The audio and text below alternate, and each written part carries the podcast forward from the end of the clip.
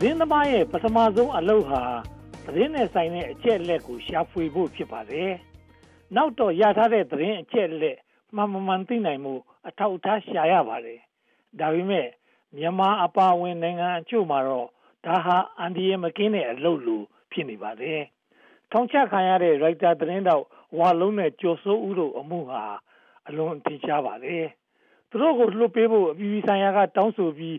ပူလီဇာဆု ချင်းမြင့်တော့မှ လွှတ်ပေးလိုက်ပါတယ်။မြန်မာပြည်ကသတင်းမီဒီယာအခြေအနေကိုမိမောင်းထိုးပြလိုက်တဲ့သဘောဖြစ်ပါတယ်။ဒေါန်ဆန်းစုကြည်နဲ့တွေ့ဆုံစဉ်ဝါလုံးနဲ့ကျော်စိုးဦးတို့အမှုကိုတင်ပြခဲ့တယ်လို့အဲ့ဒီတုန်းကဗြိတိန်နိုင်ငံသားရေးဝန်ကြီးဖြစ်တဲ့ဂျယ်ရမီဟန်ကပြောပါတယ်။ဒီမိုကရေစီနိုင်ငံမှာလိုအပ်တဲ့သတင်းလွတ်လပ်မှုအတွက်အပြည်ပြည်ဆိုင်ရာက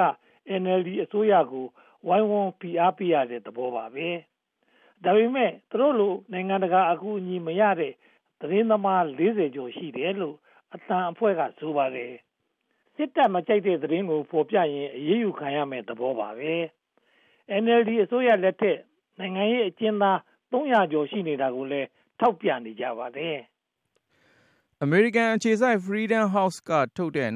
2019လွတ်လပ်မှုအညွှန်းကိန်းမှာတော့မြန်မာပြည်ကိုအ ਨੇ အကျဉ်းလွတ်လပ်မှုရှိတဲ့နိုင်ငံအဖြစ်ဖော်ပြထားပါတယ်။ စာပေစီစစ်ရေးဌာနကို ဖျက်သိမ်းလိုက်ပေမဲ့လက်ရှိဥပဒေတွေကိုသုံးပြီး အရေးယူနေတဲ့အတွက် ဖြစ်ရမှန်ကို သတင်းသမားတွေက လွတ်လပ်စွာ မဖော်ပြနိုင်ပဲဖြစ်နေပါတယ်။တက္ကသိုလ်ကျောင်းတွေမှာ လွတ်လပ်မှုဆိုတာ မရှိသလောက် ဖြစ်နေပါတယ်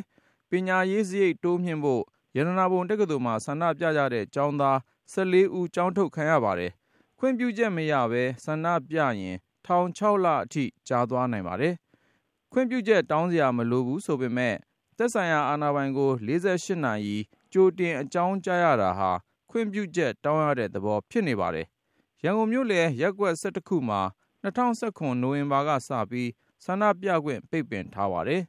စစ်ဆန့်ကျင်ရေး ဆန္ဒပြသူ48ဦး ထိမ့်သိမ်းခံရပါတယ်။ပြင်သစ်အခြေစိုက်နေစည်းမခြား သတင်းတောက်များအဖွဲ့က ထုတ်ပြန်တဲ့2019စာနယ်ဇင်း လွတ်လပ်မှုအညွှန်း Press Freedom Index မှာ နိုင်ငံပေါင်း180ရဲ့ သတင်းလွတ်လပ်မှုအခြေအနေကိုစီစစ်ထားပါတယ်။သတင်းလွတ်လပ်မှုအရှိဆုံးကနော်ဝေးနိုင်ငံဖြစ်ပြီးဖင်လန်ကဒုတိယဆွီဒင်ကတတိယဖြစ်ပါတယ်။အင်္ဂလန်ဟာအဆင့်33မှာရှိပြီးအမေရိကန်ဟာအဆင့်48မှာရောက်နေတာမို့ဂါနာနိုင်ငံ28နဲ့တောင်အာဖရိကနိုင်ငံ31လောက်တောင်သတင်းလွတ်လပ်မှုမရှိတာကိုဖော်ပြနေပါတယ်။မြန်မာကတော့အဆင့်138မှာရောက်နေလို့မြန်မာတဲ့ညံ့တာ 42နိုင်ငံပဲရှိပါတယ်။အာရှမှာသတင်းလွတ်လပ်မှုအစိတ်33ကတရုတ်နဲ့မြောက်ကိုရီးယားဖြစ်ပါတယ်။ Social Media လို့ခေါ်တဲ့ Facebook မှာသတင်းတုသတင်းမှားတွေတင်တာကြောင့်မီဒီယာကိုယုံကြည်မှုနည်းလာချိန်မှာအစိုးရတွေကလည်းသူတို့အားနည်းချက်ကို ဝေဖန်လာမှာစိုးရိမ်တဲ့အတွက်သတင်းထောက်တွေကိုဖိနှိပ်နေပုံကို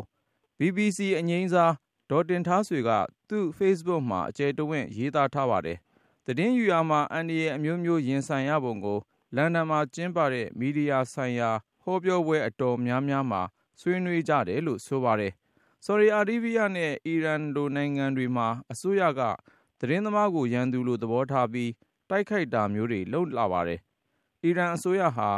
အီရန်သုံး ပါရှန်ဘာသာစကားနဲ့ အသံလွှင့်နေတဲ့ BBC အမှုထမ်းတွေကိုပါ ခြိမ်းခြောက်လာတဲ့အတွက် လန်ဒန်မှာတောင် ရဲအစောင့်အရှောက်နဲ့ နေနေရတယ်လို့ဆိုပါတယ်။မြန်မာအစိုးရဟာဆော်ဒီနဲ့အီရန်အစိုးရတွေလောက်မဆိုးဘူးလို့ပြောနိုင်ပါတယ်။စာနယ်ဇင်းလွတ်လပ်မှုအညွှန်းမှာအီရန်ကအဆင့်190ဆော်ဒီက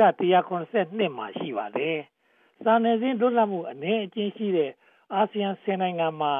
၄နိုင်ငံကမြန်မာတဲ့တာပြီး၅နိုင်ငံကမြန်မာတဲ့ညံ့ပါတယ်အဆင့်123ရတဲ့မလေးရှားဟာအာဆီယံမှာပထမဖြစ်ပြီး 124ဆင့်ရတဲ့အင်ဒိုနီးရှားကဒုတိယဖြစ်ပါတယ်ဖိလစ်ပိုင်ကတတိယထိုင်းကသဒုတ်တမြန်မာကပြင်စမဖြစ်ပါတယ်မြန်မာအောက်မှာကမ္ဘောဒီးယားစင်ကာပူဘရူနိုင်းလာအိုနဲ့ဗီယက်နမ်တို့ရှိနေကြပါတယ်သတင်းလွတ်လပ်မှုအတွက်ကမ္ဘာသတင်းစာအသင်တီထောင်ထားတာ82နှစ်ရှိနေပါပြီ။စာနယ်ဇင်း2000နီးပါးကိုကိုစားပြုတဲ့အသင်းကြီးဖြစ်ပါတယ်။ဒီအသင်းကြီးထဲမှာ ကမ္ဘာ Editor Forum ဆိုတဲ့အဖွဲ့ကိုတည်ထောင်တာအနှစ်20ရှိနေပါပြီ။လွန်ခဲ့တဲ့မေလကတော့ဥရောပအခြေစိုက်ကမ္ဘာ Editor Forum ရဲ့အာရှဌာနခွဲကိုစင်ကာပူမှာဖွင့်လှစ်လိုက်ပါတယ်အာရှသတင်းဌာန15ခုပါဝင်ပြီးစာနယ်ဇင်းအရေးကိုဆောင်ရွက်ဖို့ရည်ရွယ်ပါတယ်။ဒါပေမဲ့ကမ္ဘာအယ်ဒီတာဖိုရမ်ရဲ့နှစ်စဉ်ကြီးကတော့ဒေါ်လာ800ကျော်ဖြစ်နေပါတယ်ခင်ဗျာ။